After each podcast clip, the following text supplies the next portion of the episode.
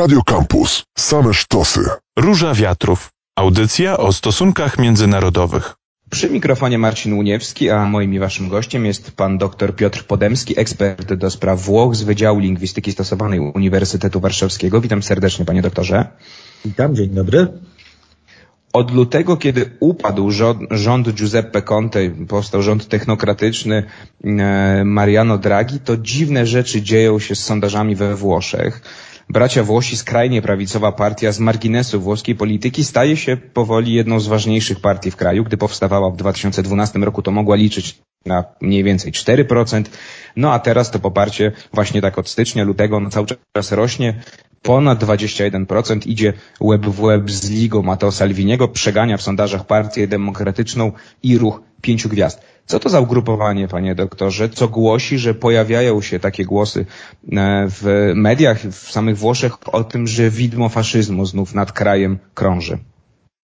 No tak, te głosy są być może nieco przesadzone, chociaż ja sam też tutaj biję na alarm.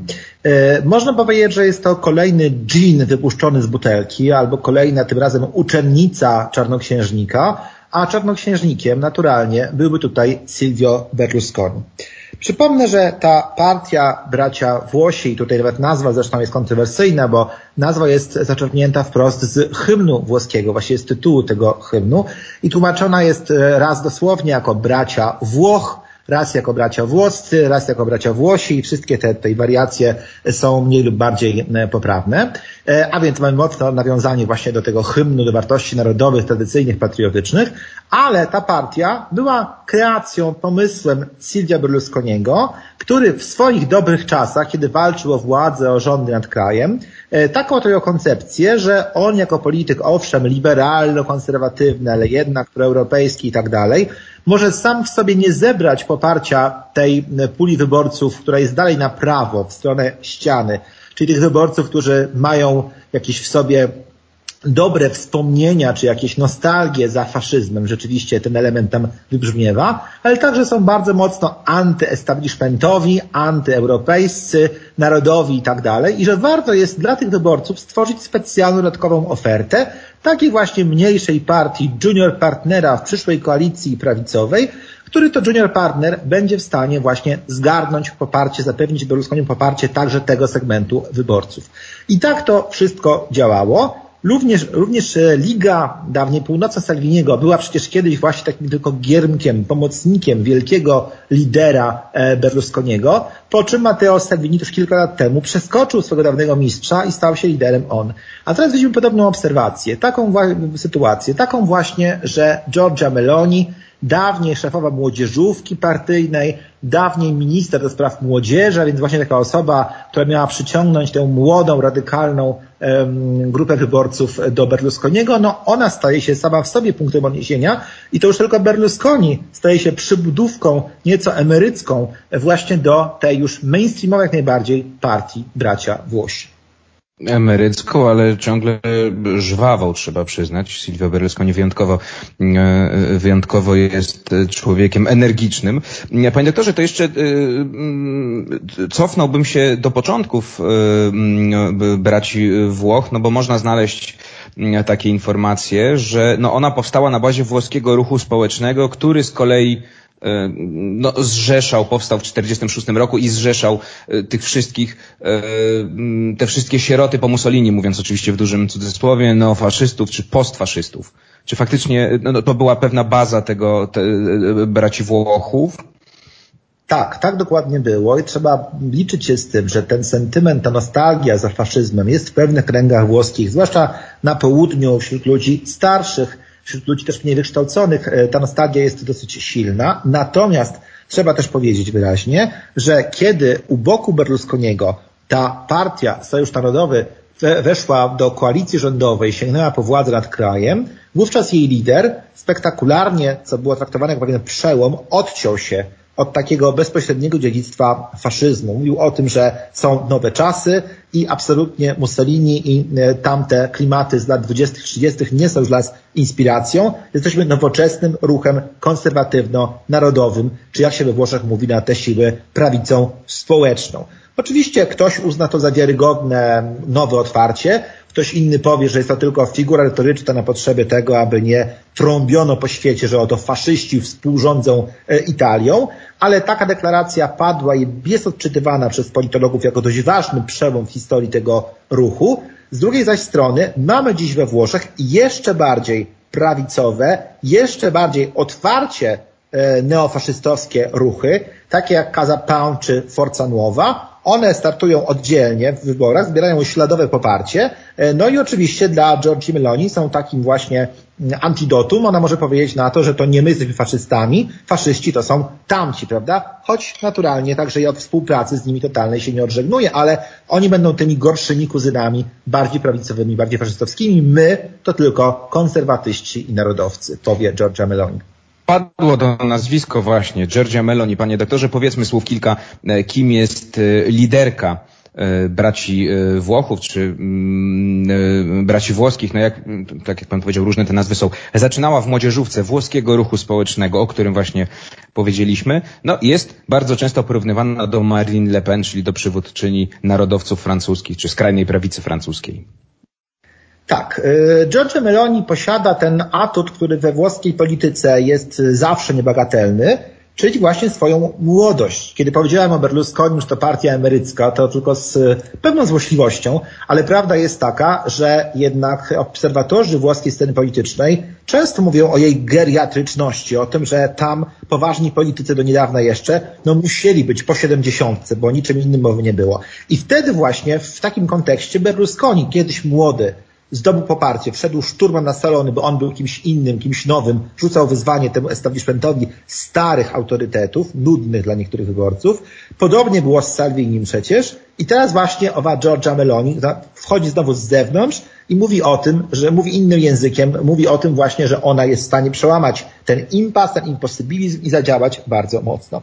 Giorgia Meloni jest urodzona w roku 77, także jest nieco po 40. Pochodzi ze stołecznego Rzymu, aczkolwiek jej rodzice byli do tego Rzymu imigrantami, czy nie jest to jakaś bardzo stara e, rzymska e, stołeczna rodzina.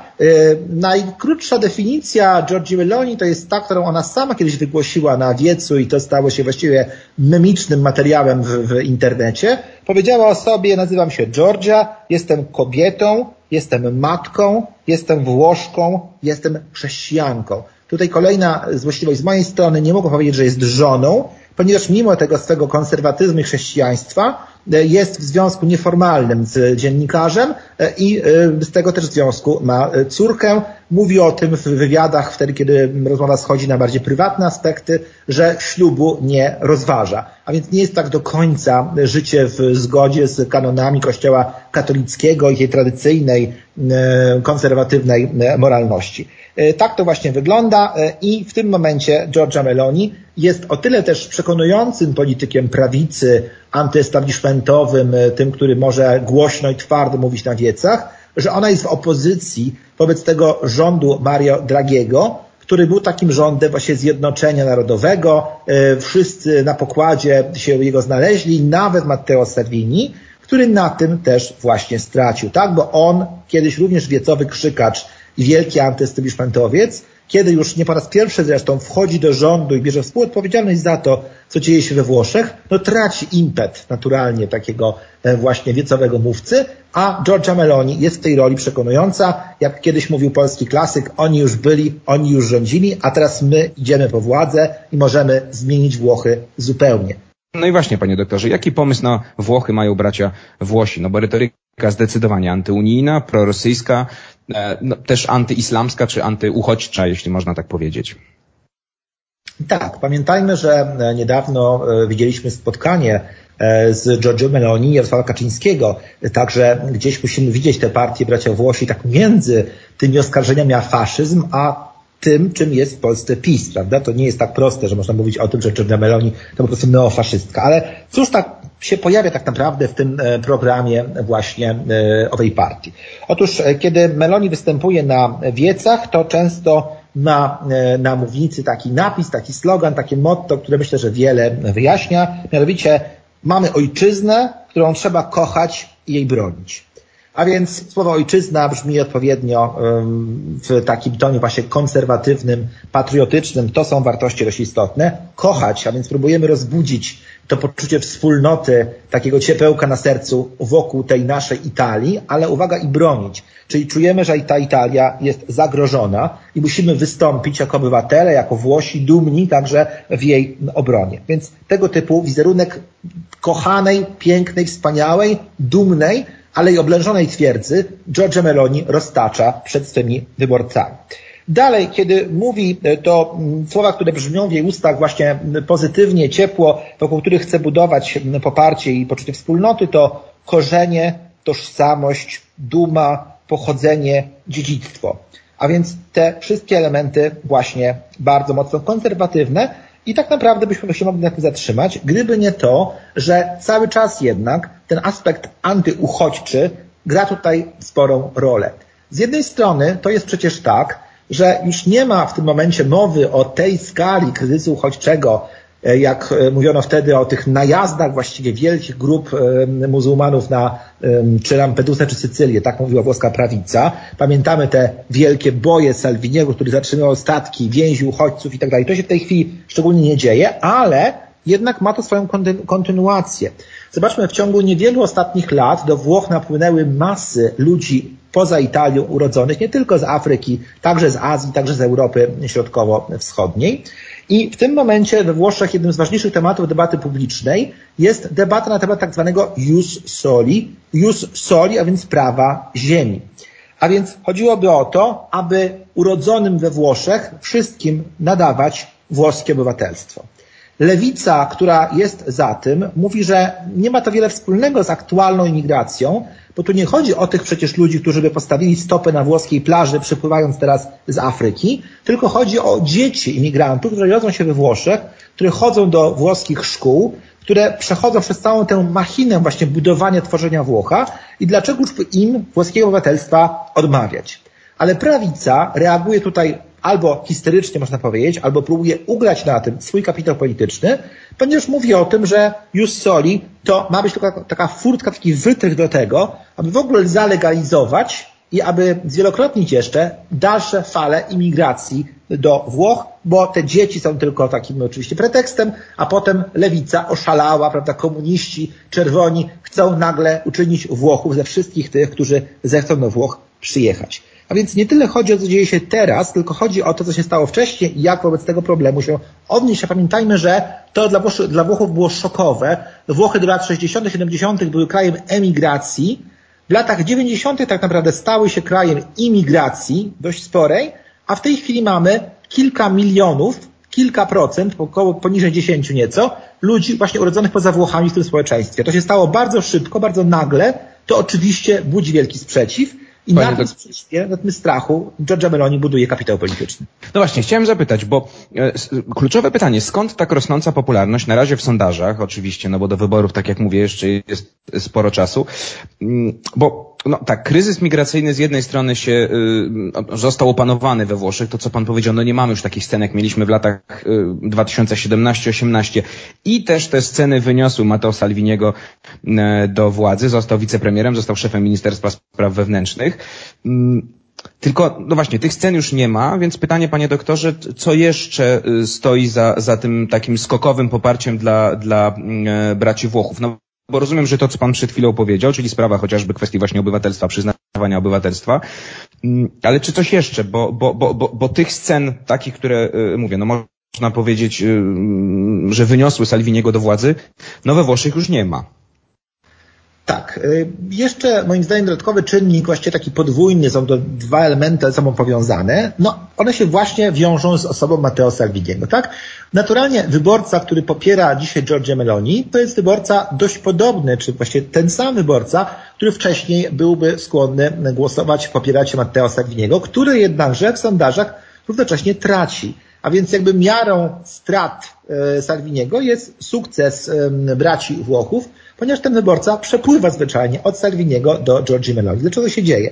Tak się dzieje przede wszystkim dlatego, czego się już mówiłem, tak, że Salvini splamił się współudziałem w rządzie, właściwie w dwóch rządach. Najpierw z ruchem pięciu gwiazd, a teraz w tym rządzie jedności narodowej Mario Draghiego. Przypominam też zaś, że we Włoszech to jest kwestia historycznie bardzo mocno ugruntowana. Jest bardzo duży blok wyborców, którzy są antysystemowi w sensie takim, że są w kontrze do establishmentu, do rządzących, którzy wierzą w to, że krajem rządzą jacyś tam oni i przeciwko tym onym trzeba się buntować, trzeba tych onych od władzy przepędzić, bo wszelkie nieszczęścia, które na kraj spadają, są tylko i wyłącznie kwestią czy winą, mm, skutkiem korupcji, głupoty, oczywistej, tak, złodziejstwa owych onych. Kiedy się onych przepędzi, Włochy staną się krajem miodem płynącym. Ten wyborca kiedyś był u Berlusconiego, potem był u Salviniego, w międzyczasie był wyborcą ruchu pięciu gwiazd, zobaczmy, który miał bardzo podobną wizję świata, że problemy włoskie da się rozwiązać w pięć minut, tylko trzeba złodziei przegnać, a uczciwi obywatele muszą pójść do władzy. Ruch pięciu gwiazd pozornie był ruchem centrolewicowym, ale wśród jego działaczy, zwłaszcza średniego szczebla, było także bardzo wielu ludzi e, pochodzących choćby z rodzin związanych z Sojuszem Narodowym, czyli z tym ugrupowaniem neofaszystowskim. Więc to są te same kręgi, które teraz jakby ponownie swoje zaufanie pokładają w Giorgi Meloni. I o co dokładnie chodzi? Właściwie czym dokładnie Salvini zraził do siebie tych ludzi? Zapytałem pana o, o to, skąd to poparcie dla braci Włochów, skoro nie ma kryzysu migracyjnego, takiego jak był w latach 17-18, który wyniósł do władzy Matteo Salviniego. I oddaję głos panie doktorze, yy, kontynuując ten wątek.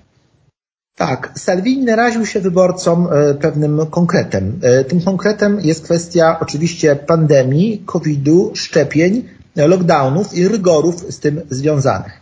Salvini dotąd był skuteczny, przekonujący, dokąd miał jednoznaczne bardzo poglądy, mówił twardo, jasno. Ten wyborca prawicowy to właśnie ceni, to właśnie lubi.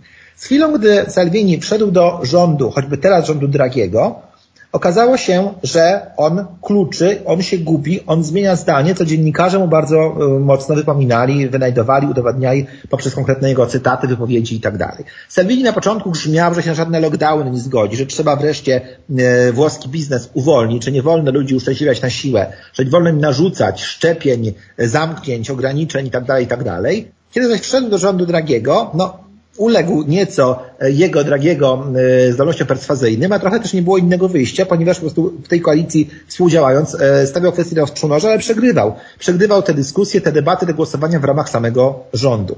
No, na tym tle na przykład Giorgia Meloni, powtarzam, jest niezwykle tutaj skuteczna w sensie takim, że jest jednoznaczna w swoich deklaracjach, ponieważ mówi wyraźnie, że się nie zgadza na znakowanie ludzi poprzez jakieś certyfikaty szczepienia bądź nieszczepienia, że się nie zgadza na zamykanie, duszenie włoskiego biznesu, że państwo musi pomóc biednym do tego elektoratu socjalnego też się bardzo mocno oczywiście odwołuje, którzy cierpią, tym Włochom, którzy cierpią z powodu właśnie pandemii e, i e, bezsilności państwa włoskiego, mówi o tym, co bardzo świetnie w Włoszech brzmi, że klejem żółtym się poprzyklejali do swoich krzeseł, do swoich foteli ministerialnych, chcą się tylko trzymać władzy, a tymczasem to my, prawica, musimy pójść do władzy i musimy e, ten rząd i to państwo całkowicie przebudować.